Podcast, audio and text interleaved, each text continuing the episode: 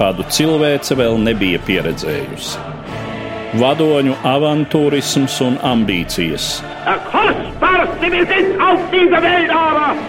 valsts vīru neizlēmība un ilūzijas, arvien jaunas valstis ievilktas kara virpulī. United States of America was suddenly and deliberately attacked. Nežēlīgi malti cilvēku un tautu likteņi. Lai dzīvo darba tautas draugs un ģeniālais vadonis biedrs Stalins!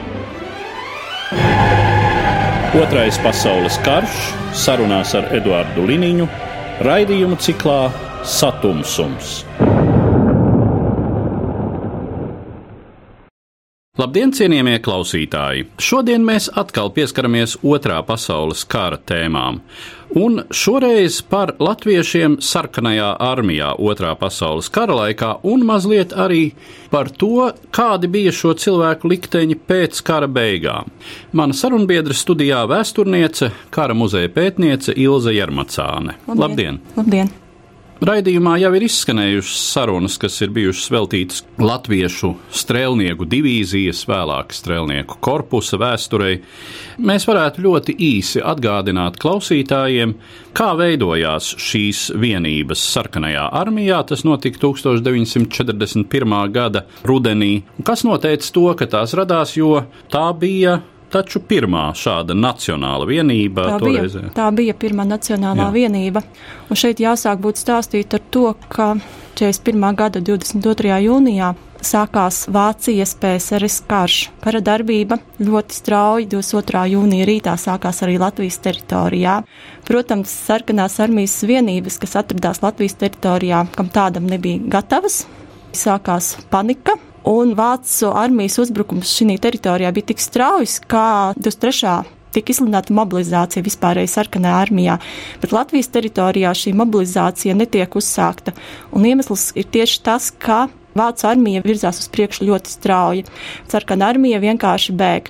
Oficiāli nu, tas tā, tiek saukts par evakuāciju, bet patiesībā tā ir bēgšana. Jūnija beigās pēc 26. un 27. datumā evakuācijā uz Krievijas vidieni dodas arī Latvijas kompartijas dažādas struktūras, padomju milicijas darbinieki, piespiedu kārtā daudzi dzelzceļnieki. Dažādi cilvēki, kas Latvijas republikas laikā 20. un 30. gados ir darbojušies pagarīdē. 40. 41. gadā viņi ir bijuši padomju laika aktīvisti, un šobrīd viņi, varbūt intuīcijas vadīti, viņi arī dodas projām uz Krievijas teritoriju. Nonākot visai sarežģītā situācijā, dodas arī 24. teritorija teritoriālais strelnieku korpus, kas ir bijis izveidots 40. gada augusta beigās, septembrī uz uh, Latvijas armijas bāzes, un kurā ir divas divīzijas, 181. un 183.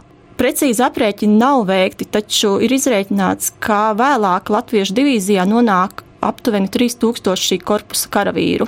Latviešu divīzija sāk veidoties 41. gada augusta sākumā. 41. gada 3. augustā tiek pieņemts PSRS augstākās padomas lēmums par to, kā ir jāuzsāk veidot 201. Latviešu strelnieku divīzija. Šo paraksta Staļins.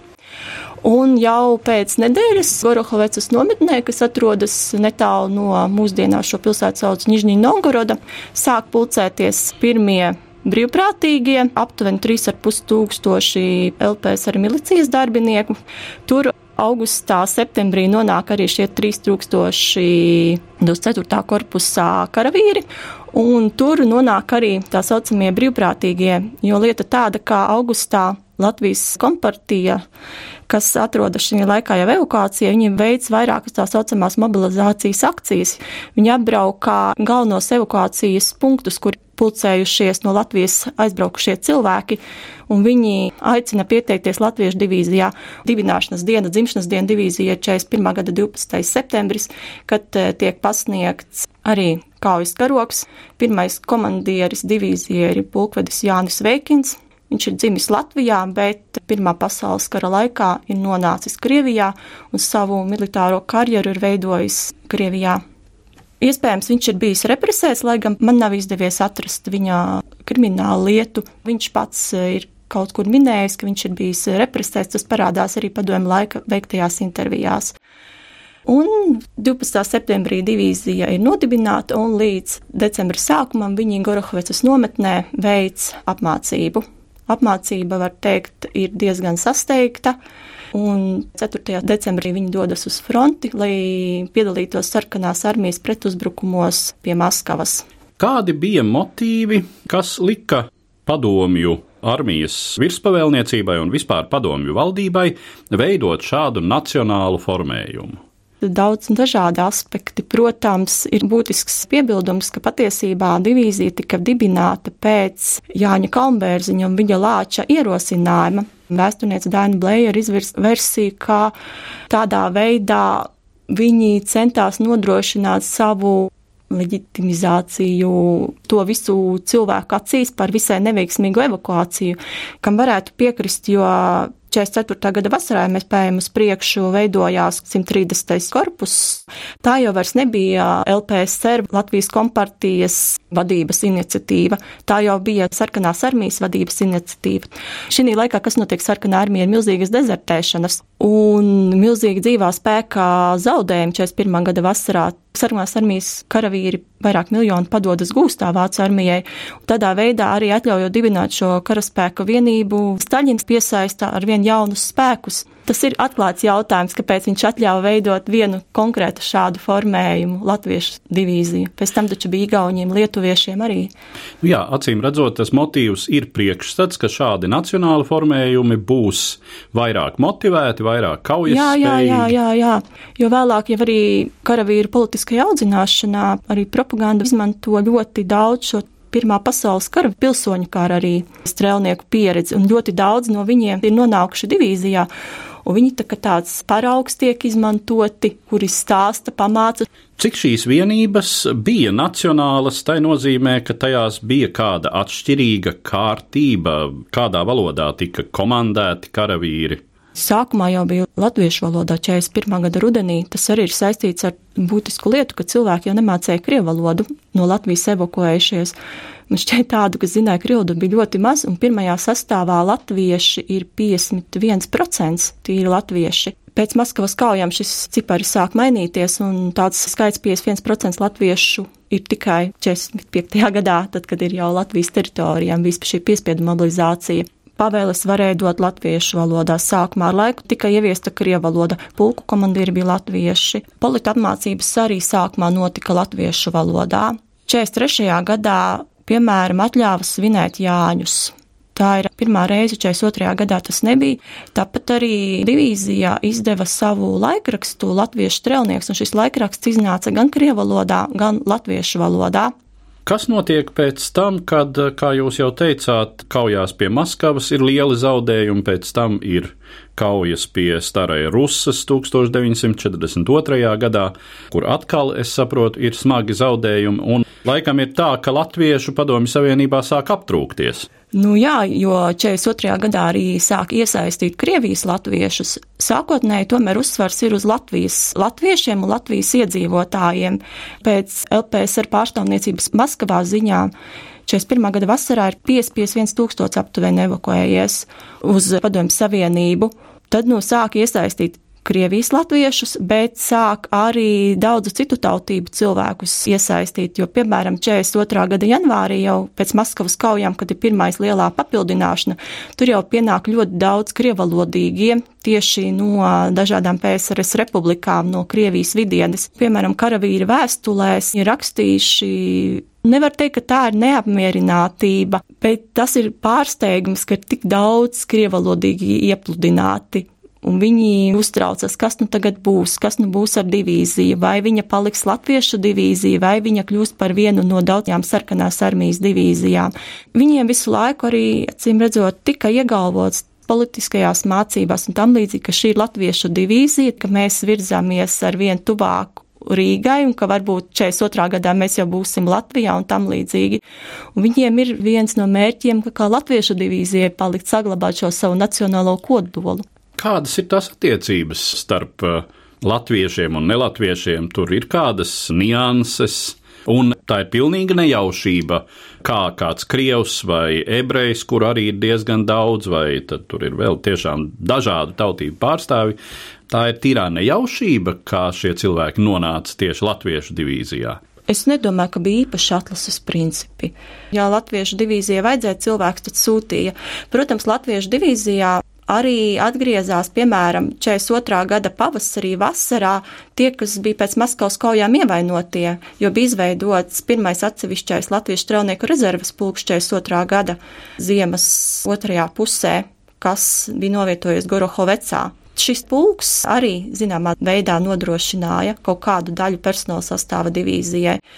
Tomēr kara darbība bija tāda, kāda viņa bija Un tur, kur bija vajadzīgi cilvēki, tur viņus nosūtīja. Tāpēc jau tiešām bija brīžiem, kad tur bija 19. Man liekas, ka lielākais skaitlis, ko esmu redzējis dokumentos, ir 44. gada sākumā vai 43. gada beigās, 26 dažādas tautības un nacionālās grupas. Un tur pat ir daudz tādi, kas pat krievu valodu nezina. Iedomājieties to situāciju, ka šie cilvēki ir kaut kādā veidā jākomandē. Viņi ir nonākuši varbūt arī citādā kultūras vidē, Kopš 42. gada oktobra divīzijai tiek mainīta numerācija, un tā kļūst par 43. gvardes divīziju. Ko nozīmēja šis apzīmējums gvardes? Vai tas deva kādas priekšrocības? Vai labāks bruņojums? Bruņojums jau labāks nebija, bet e, vairāk viņš bija tādai cilvēku motivācijai, pašiedvesmai.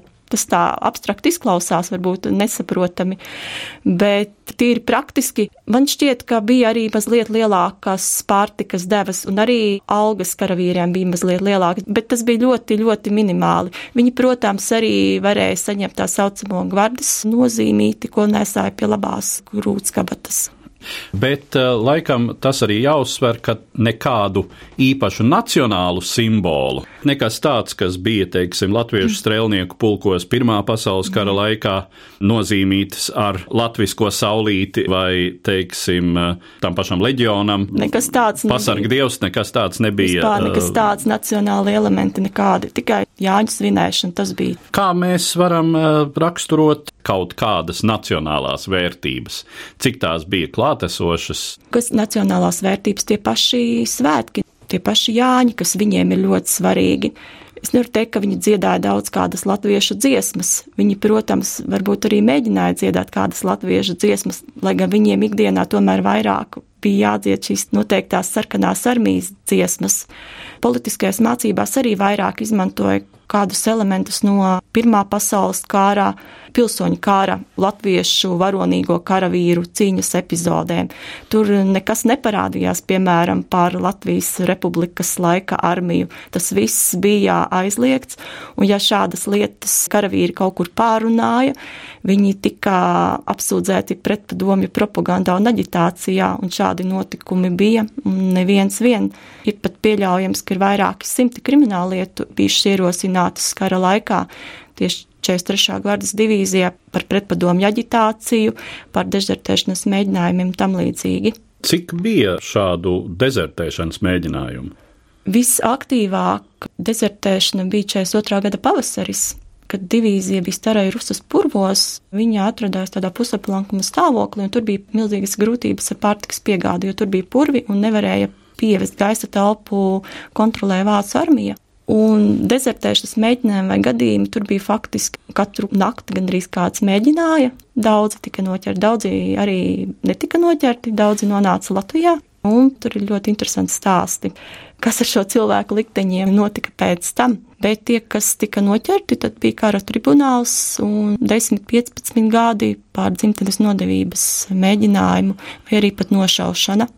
Bet šis skaits nav precīzi zināms. Es esmu mēģinājis skaitīt tās krimināla lietas, kas ir Nacionālā arhīva Latvijas valsts arhīvā. Nu, uz kara laiku varētu attiekties kādas 400 lietas, bet tās ir ne tikai dezertieru lietas, bet arī tie, kas ir apsūdzēti par pretpadomju aģitāciju, tie karavīri. Pretpadomju aģitācija. Jūs jau mazliet pieskārāties, bet varbūt mēs varam mazliet ilustrēt šo ainu, kas varēja novest pie šādas apsūdzības. Piemēram, karavīri savstarpēji sarunājas par to pašu Latvijas armiju. Vismaz tas ir lasāms pratināšanas protokolos, un pratināšanas protokols jau ir tāds ļoti subjektīvs avots, kam īsti līdz galam ticēt nevar, jo parasti jau šīs pratināšanas notiek, pilotojot fizisku spēku, un par to arī ir liecības, piemēram, Latviešu divīzijā, ka pratināšanas laikā drošības struktūra darbinieki pielieto fizisku spēku pret apsūdzēto. Elementāri sakot, vienkārši sit un spārni. Jā, piemēram, pēc 56. gada, kad sākas rehabilitācijas, tad daudz karavīri savas lietas pārsūdz, iesniedz prasību Baltijas kara apgabalā, kā šīs lietas ir jāizskata vēlreiz, un dažos gadījumos viņas tiek izskatītas. Un šīs vēstulēs arī viņi apraksta, piemēram, kā 42. gadā pavasarī viņš ir pratināts, un viņš ir arī vienkārši likts, piemēram, šķūnī stāvēt salā, kaut kur gulēt ārā, vai karcerī ielikt stāvēt bez maz vai uz vienas kājas, vai nedots rēst. Un arī sisti, jā, fiziski iespaidoti.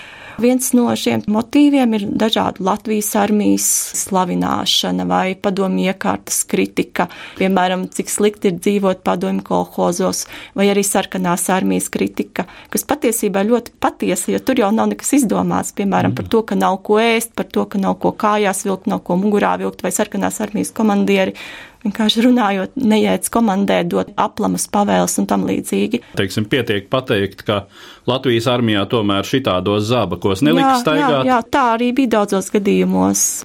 Palūkojoties, teiksim, no frontes pretējās puses, ja šāds latviešu karavīrs krita Wehrmachta gūstā vai dezertēja, vai tur bija kādas attieksmes nianses, vai ir zināms, kas ar šādu cilvēku varēja notikt?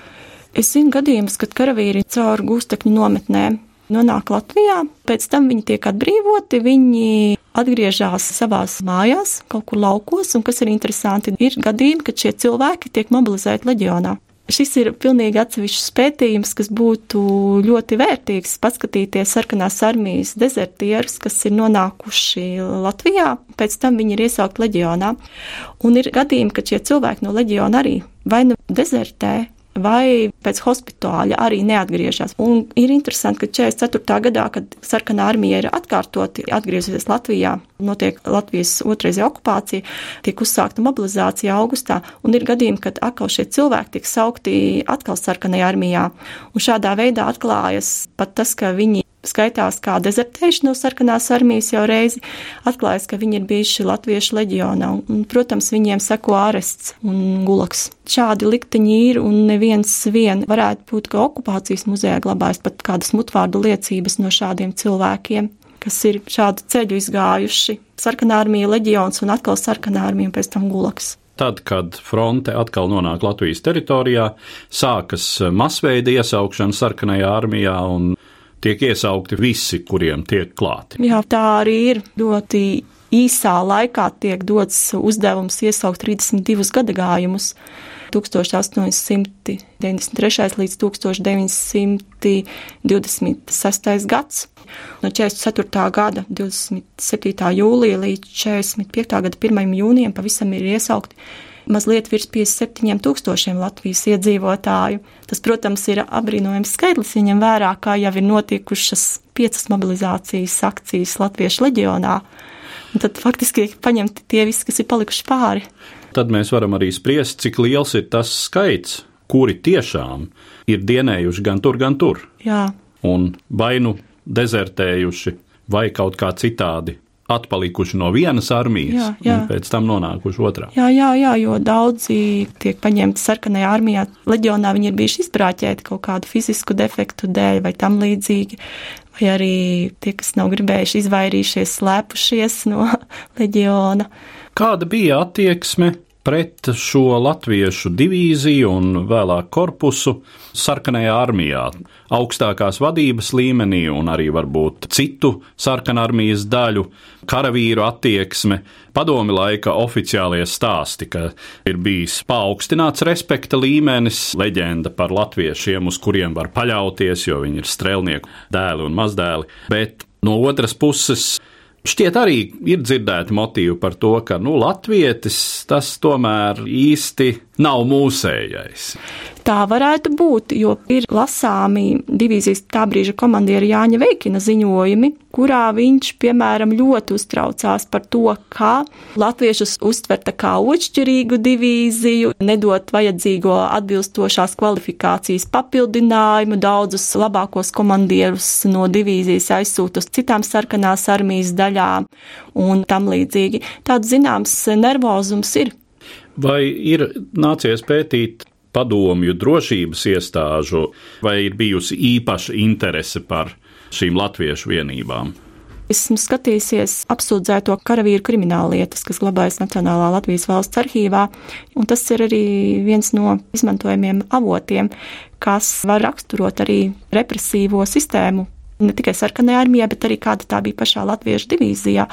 Arī varbūt pievērsties tādiem jautājumiem, kas ir ne tikai nepētīt, bet kas ir nērti un paskatīties, kas tad bija šie cilvēki, kas darbojas divīzijas iekšļu tautas komisariāta sevišķajā daļā Tur bija arī latviešu tautības. Kādam gal galā bija jāsaprot jā, jā. par tiem pašiem zābakiem vai putru Latvijas armijā. Nu, jā. un kādam bija tas ziņojums jāuzraksta. Tie bija arī cilvēki, kas bija darbojušies jau pirms tam 41. gadā 24. teritoriālā strēlnieku korpusā represīvajās struktūrās. Pēc tam viņi attiecīgi pēc divīzijas izveidošanas arī šīs struktūrās pāriet. Kas ir zināms par latviešiem citās sarkanās armijas vienībās ārpus šīs latviešu strēlnieku divīzijas vēlāk korpusa? Šis ir arī ļoti interesants jautājums, kas ir pētīts padomju laikā. Pašlaik jau neviens īpaši tam nepievērš uzmanību. Varbūt slavenākais latviečs, ja mēs vispār viņu varam uzskatīt par latvieti, kurš parasti tiek pieminēts, ja runā par citām, ir Nikolais Bērzeriņš, kas bija pirmais Berlīnes komendants un kurš gāja bojā 45. gada jūnijā auto avārijā Berlīnē. Viņš tad ir viens no zināmākajiem latviešiem. Lai gan viņš ir dzimis 4. gadā Pēterburgā, un cik es zinu, tad viņš latviski nerunāja noteikti. Es pieļauju domu, ka viņš arī neko nesaprata latviski. Bija arī tāds Pēteris Laksdiņš, kurš tika saukts par Piotru Zubovu, Viņš ir dzimis 4. gadā Elijas pagastā Latvijā, un e, viņš ir bijis Pirmā pasaules kara strēlnieks. Viņš ir nonācis padomju Krievijā, tur viņš ir nolēmis palikt, savu militāro karjeru veidot tur, un viņš ir zināms ar to, ka viņš 44. gadā ir iecelts par 322. Žitomiras sarkangarūkotās divīzijas komandieri. Šī divīzija cīnījās Pirmajā Ukrainas frontē, un viņa kara gaitas beidzās Čekoslovākijā. Bet šis jautājums par latviešiem ir arī pētīšanas svērts. Atkal atgriežoties pie dažādiem likteņiem, cik latviešu sarkanarmiešu kara beigās ir vācu gūstā un kur viņi atrodas. Vai ir kādi gadījumi, kad šādi latviešu sarkanarmieši nevis latviešu leģionāri, nonāca rietumos. Pēc sagūstīšanas Vācu armijā, atrodoties kaut kur frontes otrā pusē. Pieļaujot domu, ka latvieši cīnījās Austrumprūsijā, kaut vai tai pašā Čehoslovākijā, kādās frontēs, es domāju, ja viņi tur bija, tad bija šādi gadījumi. Es neticu, ka nenonāca arī kaut vai tajā pašā Berlīnas operācijas laikā. Nu, gan jau, ka bija kāds latviečs, kas mēģināja dezertēt piemēram, mūsu Nacionālā arhīvā arī ir krimināllietas, un arī ir šie latvieši, kas ir dienējuši citās sarkanās armijas daļās krimināllietas. Tās lietas ir tik, cik ir, un viņas nav visas, bet tur var redzēt, piemēram, viņš ir bijis kaut kādā sarkanās armijas daļā, kas ir cīnījusies kaut kur Ukrainas teritorijā vai pēc tam Polijas teritorijā un tam līdzīgi. Es domāju, ka šis arī ir tāds jautājums, kas būtu pētniecībai nākotnē vispār pār latviešu karagūstekņiem. Ir ziņas, ka 45. gadā līdz rudenim ir atgriezušies vairāk kā 3000 kara gūstekņi. Tas ir viens no skaitļiem, bet es pieļauju domu, ka šo kara gūstekņu latvieši ir stipri cits skaitlis. Kā tad šiem latviešu karavīriem beidzas Otrais pasaules karš? Tad, kad 1945. gada maijā kara darbība izbeidzas, latviešu strēlnieku korpus atrodas Kurzemes frontē. Jā, netālu no Remtes muižas pie Imulas upes korpus, un 43. gadas divīzija korpusa sastāvā esošā atrodas Plāņu muižā. Viņi tur beidz karu, viņi tur atrodas 8. maijā, 9. maijā un pat šķiet līdz māja beigām, jo korpusām Rīgā atļauj atgriezties tikai 22. jūnijā, kad ir korpusa svinīga sagaidīšana. Kara muzejā mums ir ļoti daudz labas bildes, kurās ir redzami smaidīgi korpusa karavīri, ar ziediem, kuri soļo pa brības ielu, starp citu, gar brības pieminekli. Runājot par brības pieminekli, tur ir viena epizode, bet tā laikam nav pa kara beigām. Tā ir pa 44. gada 16. oktobri, kad ir korpusa parāde. Iespējams, ka korpusa karavīri dziedājuši Latvijas himnu pie brības pieminekļa. Dievs svētīja Latviju, un šādas epizodes ir cilvēki vairāk kārt minējuši gan paši karavīri, gan arī ir kādi Rīgas iedzīvotāji pieminējuši šo faktu. Pat ja tā ir leģenda, tad tā ir ļoti zīmīga leģenda. Jā, un otrs variants ir arī, es esmu lasījis, ka tad, kad 18. jūlijā šķaunē šķērso Latvijas robežu korpusa 43. gvardas divīzija, tad arī ir atsevišķi cilvēki dziedājuši Latvijas himnu. 22. jūnijā 1945. gadā korpus atgriežas Rīgā, un cik ilgu laiku tas vēl pastāv, kad tas Par... izformēts, un cik ātri šie cilvēki tiek demobilizēti no armijas? Vispār jau pirmā demobilizācija notiek 45. gadā jo 45. gada šķiet 23. jūnijā jau ir pirmā direktīva par to, ka sarkanā armijā tiek demobilizēti 1895. līdz 1915. gadā dzimušie. Un septembra direktīvā ir no 1905. līdz 1915. gadā tiek demobilizēti šie karavīri. Un dati, kādi ir šobrīd pieejami, ir tie, ka līdz 1. janvārim ir demobilizējušies 29,000 aptuveni latviešu karavīru bet tā lielākā demobilizācija tomēr notiek 46. gada pavasarī, kad tika izformēts 130. latviešu straunieku korpus un tiek likvidēta arī 308. latviešu straunieku divīzija, kas ir viena no divām korpusa divīzijām, bet 43. Eh, gvardas divīzija turpina pastāvēt un viņa pastāv līdz pat 56. gadam, kad visai neskaidros apstākļos viņa tā klusām, mierīgi tiek likvidēta. Mēs neviens to pavēlu šobrīd neesam atraduši par 43. gadas divīzijas likvidēšanu 56. gadā.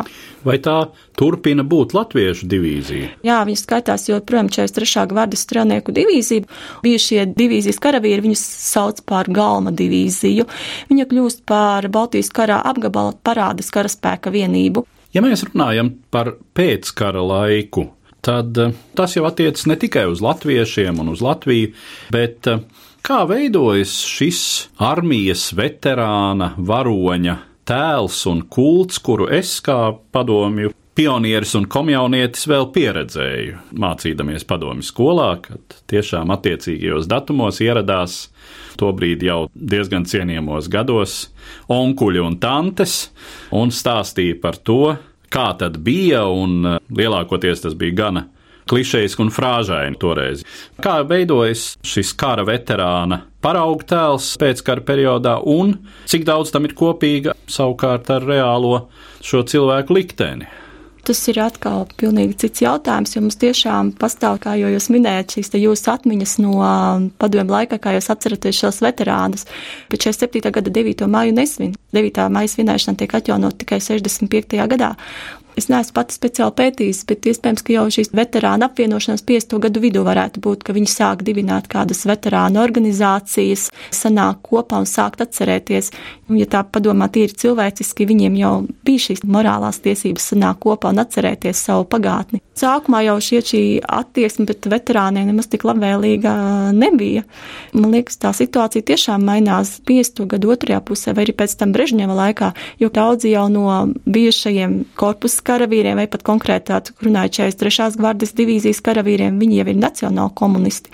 Piemēram, tas pats Edvards Berklaus, viens no ievērojamākajiem nacionāli komunistiem. Man šķiet, tie veterāni pasākumi tiešām sākas 60. gadu vidū, kad viņi vasarā brauc katru gadu augusta vidū uz vietālu, kad viņiem notiek regulārs savstarpējas tikšanās vai tikšanās ar iedzīvotājiem, ar skolēniem un tam līdzīgi. Par attieksmi pret um, sarkanajā armijā karojošajiem latviešiem šodien tas ir plašs un arī, protams, pētāms un pētīts zināmā mērā temats.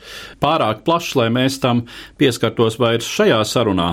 Bet, um, ja jums ir nācies pašai tikties un runāties ar šiem cilvēkiem, kāda šobrīd ir viņu izjūta par to, kas ar viņiem toreiz uh, notika? Es esmu tikusies jā, ar vairākiem, un man ir jāsaka, ka man šķiet, ka neviens no viņiem vairs nav šajā saulē. Ja es, piemēram, šodien jautātu, es, protams, daudz ko savādāk jautātu, nekā es jautāju to brīdi. Un Viņu atmiņas ir bijušas visdažādākās. Ir, piemēram, Ineses Pūra, kas arī jau ir pāris gadus aizsaulē. Viņa nekad nav nožēlojusi savu izvēli, nekad nav nožēlojusi to, ka viņa ir cīnījusies. Viņa ir uzskatījusi, ka viņas rīcība un izvēle ir bijusi ļoti pareiza. Bet es atceros, bija bijušais divīzijas karavīrs Jānis Junga. Viņš bija pirmais karavīrs, kurus intervēju, un viņš pirms kara bija bijis jūrnieks, un kara sākumā viņš bija atradies kaut kur Krievijā, un viņš vienkārši nepaspēja. Viņš palika tur, kur viņš bija. Un viņš 42. gada novembrī pieteicās pats, jo viņš vienkārši dzīvoja badā. Tas bija viens no iemesliem. Viņa sajūta ir tādas, ka karš tomēr sagrāva viņa sapņus, jo viņam bija sapņi par jūru. Viņš gribēja būt jūrnieks, viņš gribēja ceļot pa pasaules jūrām.